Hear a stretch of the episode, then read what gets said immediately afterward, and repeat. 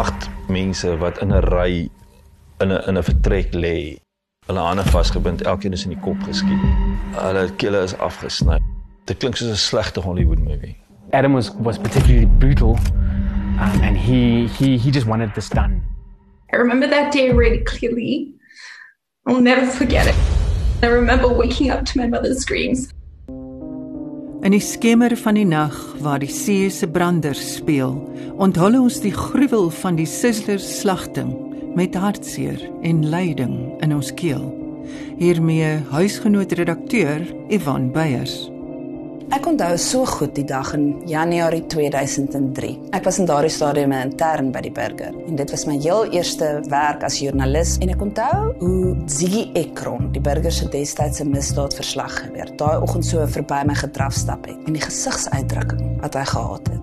En dit was die uitdrukking van 'n joernalis wat weet hierdie is groot nes. Ek moet nou op die toneel kom. Ek moet hierdie storie vertel. Dit was die eerste keer toe ek gedink het journalistiek is nie net 'n werk nie. Dit is 'n roeping. In die vroeë oggendure op 20 Januarie 2003 het 'n bebloede jong man strompelend by 'n volstasie in Seepunt aangekom. Die volstasie was sowat 200 meter van die Sizzlers masseursalon waar 8 van sy vriende in 'n bloedbad gelê het. Dit was dit was 'n maandagooggend. Ehm um, ons het 'n baie goeie verhouding gehad met die polisie. Ek kan nog hier oproep goed onthou wat iemand gebel het vroegoggend en gesê het sorg dat jy so gou as moontlik aan Seepunt kom. Ons voorag hier te staan almal te kan by die huis. Dis wel eh, 'n uh, buurt gebeurtenis. Die mense van al die huise rondom kom staan daarso. Al jou kollegas van die ander koerante en tydskrifte en TV kanale en dis meer is daar. Almal skinder en deel brokkies en jy probeer by iemand uitvind, weet jy waar woon jy hier? Ken jy die mense? Terwyl jy terselfdertyd wag vir enige beweging wat daar uitkom, iemand wat iets sê. Jy praat met die bure, jy begin op en afloop in die straat en en jouself al probeer indink wat het hier gebeur. Dit was netwerk 24 joernalis Siegfried Ekron wat op 'n maandagooggend in Grahamstraat Seepunt sonder enige konteks begin soek het vir antwoorde. Terselfdertyd was ondersoekbeampte kaptein Jonathan Morris besig om die bloedbad binne in die huis te ondersoek. Op die 20ste van Januarie, 4:00 die oggend, het ek 'n oproep ontvang van radiobeheer van 'n massamoord te 7 Grahamstraat in Seepunt. Ek is deur na die toneel en binne in die huis het ek ag liggame aangetref met skietwonde in die kop. Die hele huis het geruik na bloed. In die oorledenes se monde was kouse gewees en dan is 'n brein pleister om die gesig gewees en hulle was almal vasgemaak met tou agter die rug en bene. Op die toneel het ons 7,65 doppies en 9 mm doppies opgetel. Die hele huis was vol doppies. Hierdie huis bekend gestaan as 'n manlike bordeel in Seepunt. Die oggend van 20 Januarie het een van die slagoffers die slagting oorleef, het na 'n volstasie toe gegaan daar naby, uit daar mekaar gesak. Die mense daar het uiteraard nie geweet wat aangegaan het nie, wat gebeur het nie. Hy het net beduie in die huis toe. Na twee skote in die kop struikel en kruip Quentin Taylor tot by die naaste volstasie as die enigste oorlewende van die Sizzler slagting. My name is Quentin Taylor. I'm the sole survivor of the Sizzlers massacre. I had stayed in Cape Town for years, but I hadn't done that work. I'd been living with my friends here and my friends there, and it was very rough living for a long time. Before I lived here, I came down to Knysna with friends of mine that said, listen, yeah, there is a farm just outside of Knysna in Renendal, Transformation Farm, and you can go stay there, you can go camp there. I was there for about 10 months. I hadn't seen my parents for a few years, so I went to them that Christmas. And by the time I wanted to go back to Knysna, I had no money. I'm now in Cape Town and I'm sitting there in Sea Point on the wharf. And it's night and I'm thinking, what now? I've been on the streets before. It's a very bad place to be. And often people get lost there and you don't come back from that experience. So now I'm standing there on the wharf and I'm thinking, if I don't get back to Knysna, I'm finished. So some guy sees me on the wharf and he comes up behind me and he says, listen, yeah, I'm, I'm, I'm Eric and I see that you're struggling with something. Can I help you with anything?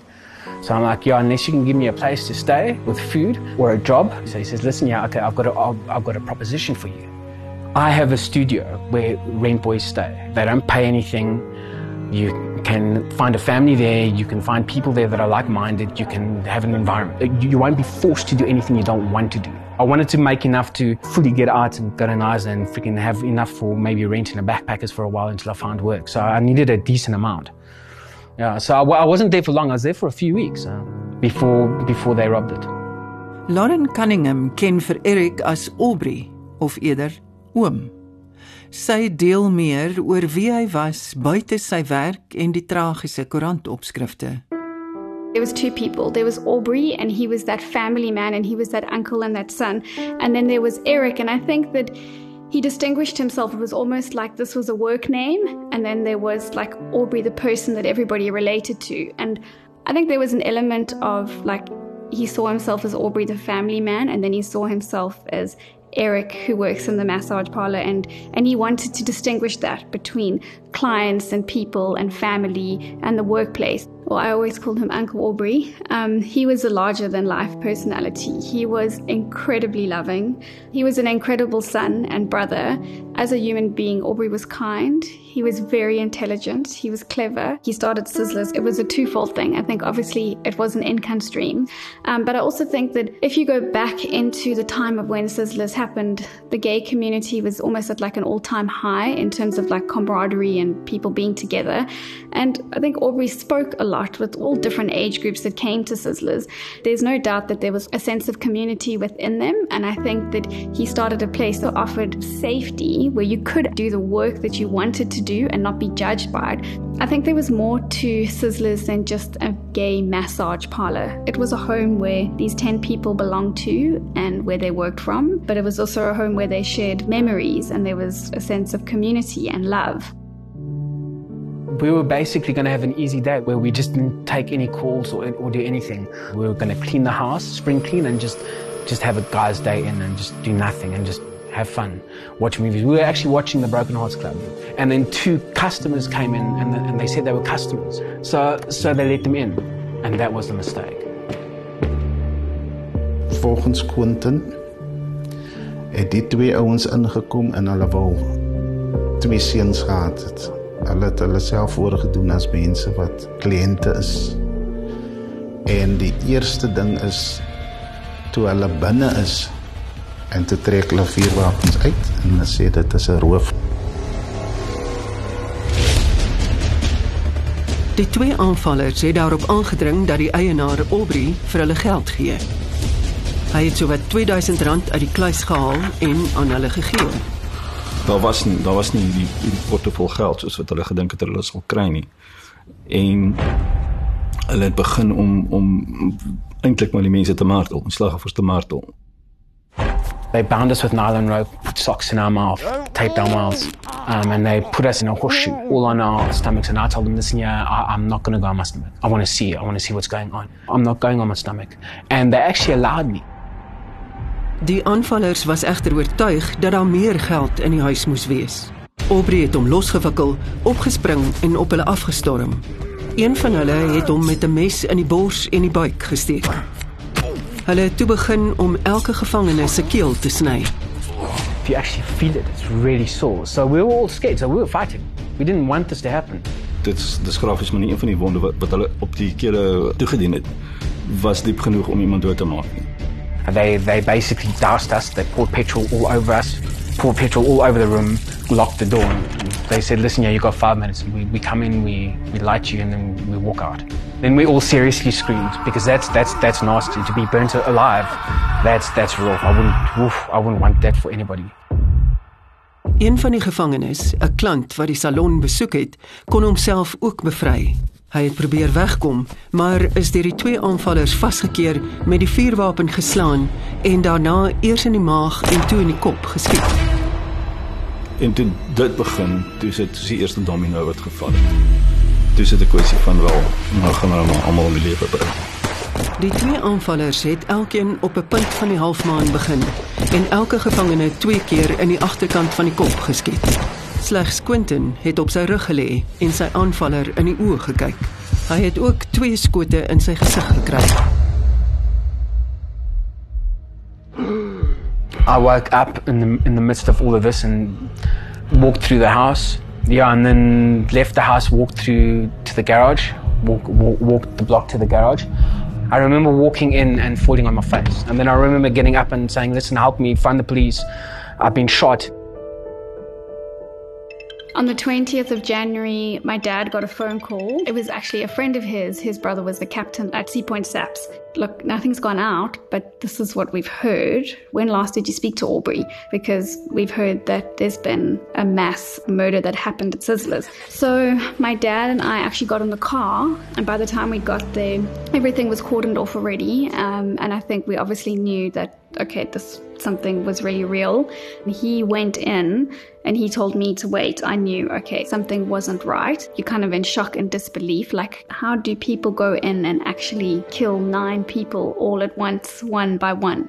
Lee Visser, slagoffer Warren Visser se suster, sal nooit die oggend wat die Sizzlers nuus gebreek het, vergeet nie. Die klank van haar ma wat haar wakker skree, spook steeds by haar. I'll never forget the hours leading up to it, and I'll never forget the actual day. I remember going to bed thinking my life was so perfect. And I remember waking up to my mother's screams. Whenever we had a power failure in our house, when the electricity came back on, the TV would uh, automatically switch on and it would just blare. We had a power failure over the evening, and in the morning, the electricity switched on. The sound was so loud, my mom woke up and she went to go put off the TV. The TV was on the news channel. It was reporting on the Sizzlers massacre. And I don't know what happened. I don't know how my mom knew, but my mom was screaming, screaming, Warren's dead, Warren's dead. The whole family was a wreck. Our house was filled with flowers from friends and family and strangers. It was horrible. Our house looked like a funeral home. My mom just couldn't cope with it. Daar't sulke menslike stories uitgekom. Die een gesin, ek dink ook hulle was stom geweest. Sy familie het hom met 'n bakkie kom haal en sy lyk teruggevat Vrystaat toe waar hy vandaan gekom het. Een van die ander slagoffers se ouers het nie regtig geld gehad vir begrafnis nie. Dit is nie mense wat uit wel af families gekom het nie. Daar was 'n begrafnis gewees vir Aubrey wat die eienaar was van die huis in Kraaifontein. Die familie was daar, jy weet, en 'n kliënt vir haar was was 'n buitelander en sy familie het gekom. Hulle gee nie om wat gebeur of jy weet of wie praat daaroor nie. Hulle het sopas familielede verloor. Party van hulle het nie geweet waar die kinders was nie en hulle het lank nie gepraat nie. Selfs daarna dan kom dit uit daar's nog steeds die familieband, daar's nog steeds iemand wat wat 'n regtige verlies gelei het hierso. I remember the funerals. There were three funerals for my brother. There were so many people that wanted to pay their respects. It was horrible. Like, I remember the funeral that I went to was just filled with people and tons of media. It, it was really, really hard to deal with it as a 14 years old girl. I remember my family for, from around the country flew in. My grandfather and Warren were really, really close, and he was just howling in the funeral because he was just so heartbroken. That was his boy. Quentin was plus minus 14 dae in die hospitaal. Elke dag het ek hom gaan besoek. En as hy nie reg was om te praat nie, dan het hy my gesê ek moet hom los en dat ek hom maar verskoon en dat ek maar net die volgende dag weer deurgegaan. Maar ek het vertrou in hom. Ek het geweet hy is die enigste een wat oorleef het en hy sal 'n deurbraak kan maak op die saak. En die 14de dag het hulle my in kennis gestel dat hulle vir Quentin gaan ontslaan en dan gaan hy in die getuie beskermingsprogram geplaas word. En dis die dag wat ek hom gaan haal dit by die hospitaal want ek het geweet as hy in die program gaan wees gaan dit moeilik wees om 'n ondersoek voor te sit. Ons het toe fotoalbums gaan uithaal daar by Seepunt en daar het Quentin een van die verdagtes uitgeken aan die neus en die oë as Trevor Tuis. The face was different because it was 10 years previous, but the eyes, the eyes are always the same. Your eyes don't change. Ons is twee dae daarna dan Grassy Park toe. Eerste adres was vals, tweede adres het ons inligting gekry by Trevor Tuis se geskeide vrou.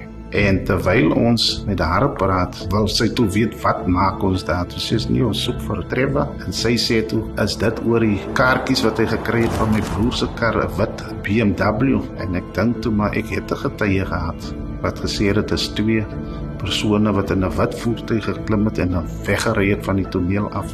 Hier's nog 'n wit kar betrokke. So dit kan seker die regte ou wees wat ons soek. En sy gee ons adres in Mitchellsplein. Ek en die span is soontoe en by die huis arresteer ons toe vir Trevor Tuis. Sy eerste vraag wat hy van my gevra het is: "Hoe weet ek van hom? Hoe het ek by hom uitgekom?" En toe kan ek hom 'n storie gee van die wit BMW en die patroondoppies wat op die toneel gekry is. En ons weet jy's die eienaar van 'n 7,65. Jou broer se 9 mm het weggeraak en jou broer verdink jou en jy's uitgeken op 'n foto in Seepunt vir gebruik van voertuig sonder eienaar se toestemming. En hy kyk my so aan en hy sê: "Ey meneer, ek is die regte ou." En dis wat ek toe reël dat hy 'n bekendnis vir 'n landros gaan aflê. Na die bekendnis ons deur na Seepunt toe, na 'n woonstel waar hy sy makker Adam Woest het sy huis uitgewys het, daar reg oor kan die moordtoneel. Hy het in Bordeaux woonstelle gebly wat uitgekyk het op op die Sizzlers huis en sy vriendin was daar en ek weet hulle het polisie na haar toe gestuur voor die tyd en vir die tyd daarna het hulle iemand gehad wat haar opgepas het. Aanvanklik dalk dat sy mag inmeng en toe later het dit duidelik geword sy is in soveel skok.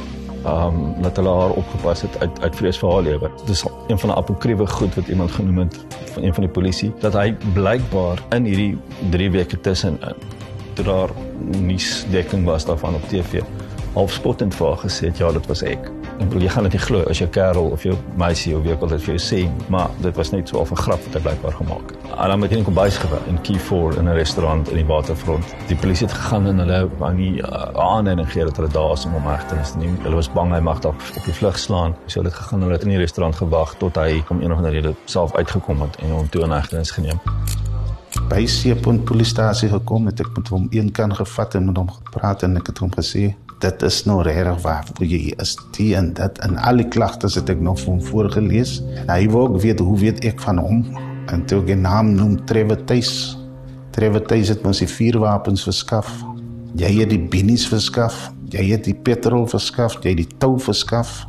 En Trevor die voertuig verskaf. Toe kyk hy my net so aan. Binne 10 minute te sê nee maar hy wil ook 'n bekentenis aflê albei van hulle het toe daarna bekendtenisse afgelê in redelike detail van wat er daar gebeur het is die ding wat mense nie kan glo nie dat dit so eenvoudig was. Hulle wou geld steel. Daar was nie soveel geld soos hulle gedink het nie en dinge het aan uitgerig. Soos wat hy se bekendtenis verloop is uit 'n taxi bestuur bedag en saans het hy gesel in 'n rondgery daar in Seepunt. Daar was 'n weg nie meer te plek waar Willem gewerk het. Hulle het mekaar daar ontmoet en dit is waar die waar die gesprekke ontstaan het. Niemand gaan waarskynlik eers die saak by die polisie aanmeld as hulle hierdie manlike bordeel gaan beroof en hulle hoor daar soveel geld. Waar daar is storie vandaan gekom het en wie daai saadjie geplant het oor oor hoeveel dit geld weet ek nie. Maar dit was bypaar 'n ding wat so of 'n oop geheim was. Volgens Thys het Woos die voorstel gemaak en gesê maar ons kan hulle gaan beroof en wat gaan hulle doen? Volgens Trewe het hy prostituie rondgery. Hy het die vuurwapens gekry en hulle het mekaar ontmoet waar Adam petrol gekoop het en 'n uh, toue vir hom gegee het in 'n Bella Clavis en toe hulle deur na die huis toe waar hulle toe die mense gaan vasdruk het. Hulle het geld gekry, maar dit was plus minus 2000 rand. Dit was nie die groot bedrag soos hulle vermoed het daar sou wees nie. En na die voorval het Trewe vir Woest afgelei en hy is deur na Woester toe. Hy het die vuurwapens dismantle en stukkie vir stukkie op venster uitgegooi. Ons het gaan soek, ons het niks gekry nie.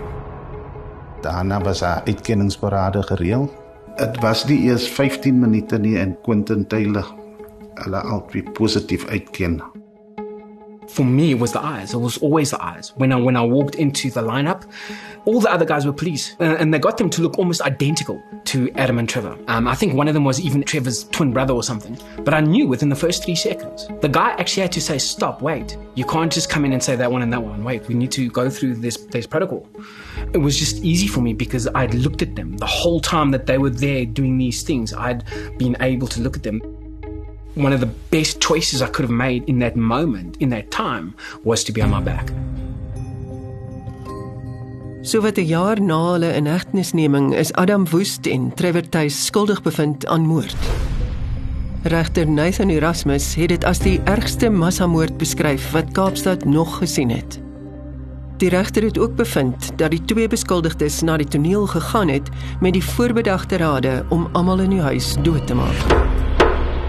Beide van hulle 9 lewenslange gevangenisstraf gekry en nog tot moord ook en besit van vuurwapen en ongelisensieerde vuurwapen en ammunisie. I think that when you hear the sentencing, nine life sentences, your mind you do quick math and you think, okay, over 200 years, good, he deserves to rot in prison. But all his nine life sentences are served at the same time, which to me is the biggest injustice. How can a man like that, a man that committed such brutality, such torture. He tortured them for four hours. Four hours. How he even think about his release?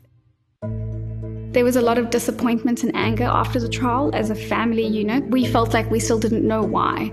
We didn't have all the facts. Because the way that they painted the picture was they just kind of randomly decided on a Sunday, right, we're going to go and do what we did.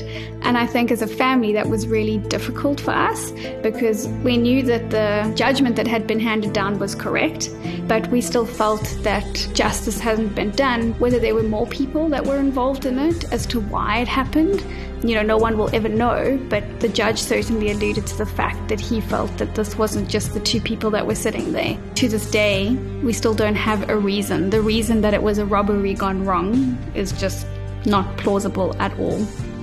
One of the questions that wasn't answered enough is the actual why. There are so many theories. There was never a clear cut answer given.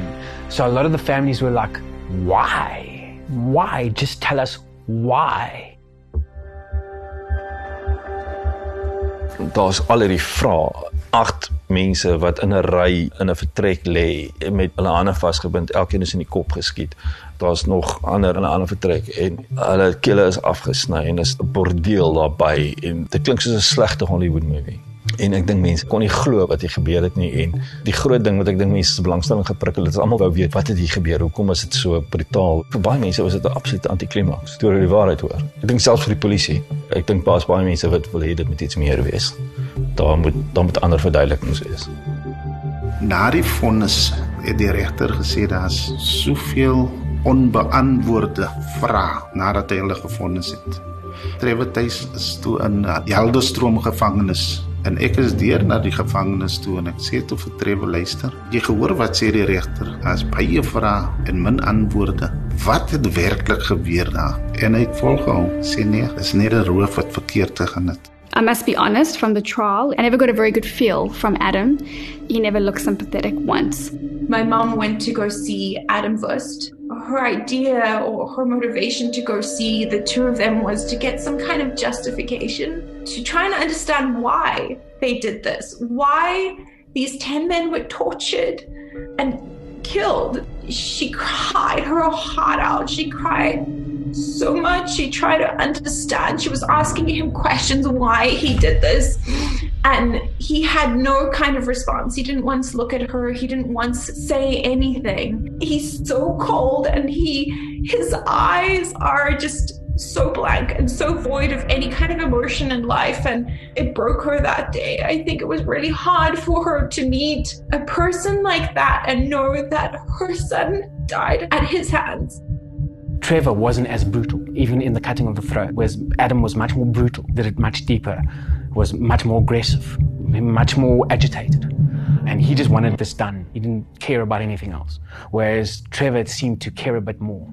There was something about Trevor. I don't know what it is. Maybe it was just an emotional feeling of guilt that he decided to do what he did. And I actually felt guilty for him sitting there. You know, he cried and he was definitely a lot more sympathetic. And when we went to visit him, he was broken. You could see that.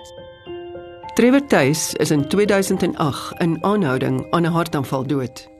Hy het skaars 5 jaar van sy 9 lewenslange vonnisse uitgedien. Vroeg in 2021 het dit bekend geword dat Adam Woest, sowat 18 jaar na die gruwelmoorde, in aanmerking kan kom vir vroeë parol. Ingevolge die sogenaamde Van Wyk uitspraak in 2011 mag alle gevangenes wat voor 1 Oktober 2004 tot lewenslange tronkstraf gefonnis is, vroeër om parol aansoek doen indien hulle aan sekere vereistes voldoen. If he is released back into society, it just shows such a lack in, in our country at the moment that we'd even allow that. A person like that, you can't allow back into society. They don't deserve the right to be back into society because they don't handle it with the respect that it deserves. He falls within the Van Wyk judgment, which means his sentence is further reduced, and people that fall under the Van Wyk judgment can get out of prison within 12 years and four months. How can you even fathom a person that committed these types of crimes can get out after serving 12 years? If that had happened, he would have gotten out with serving less than two years per person per life that he took. That's not fair. It just leaves a really bitter taste in our mouths. I refuse to allow this experience to hurt me. Yeah, it might have hurt me physically. I refuse to allow it to hurt me on any other level. So now it will benefit me, and I will make it benefit me. So basically, what happened after the whole Sizzlers massacre is it was a time of healing, of correcting myself, of changing the way I behaved, of changing the way I saw things. The experience has been profound, and it's led me to a place where now I see a future, I see a way forward. I have a hope, a calling, a future, a destiny, a purpose. To be a person who wants to be a pioneer of anything, to be a person who wants to excel, you have to have a destination. I refuse to allow Adam and Trevor Taste to want to dictate where I go in my life.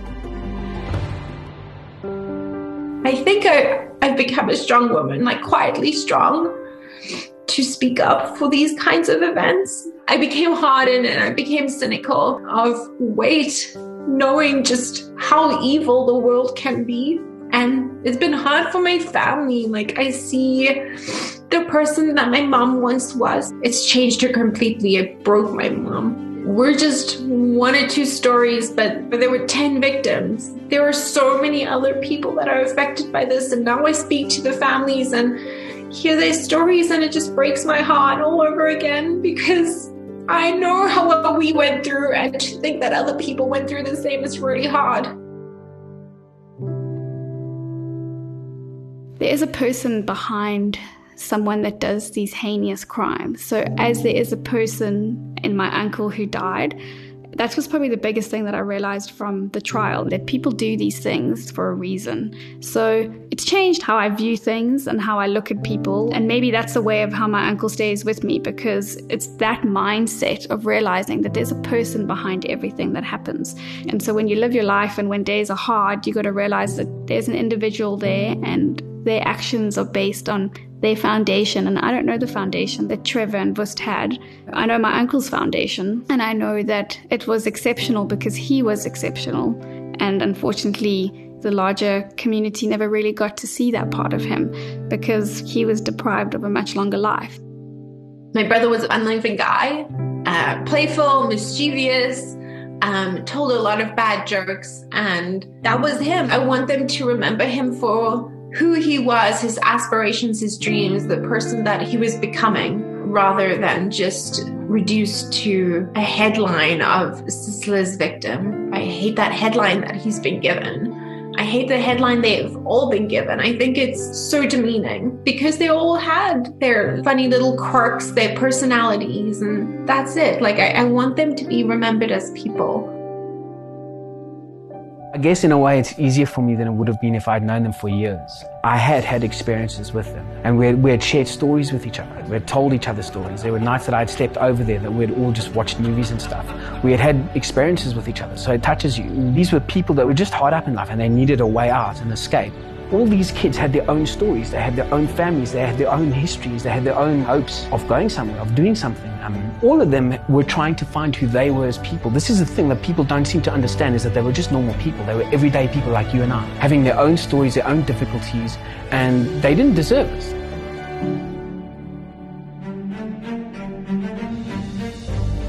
Die Sizzler slagting laat 'n nagmerrieagtige nalatenskap agter en herinner ons aan die donker realiteit van geweld en ongeregtigheid.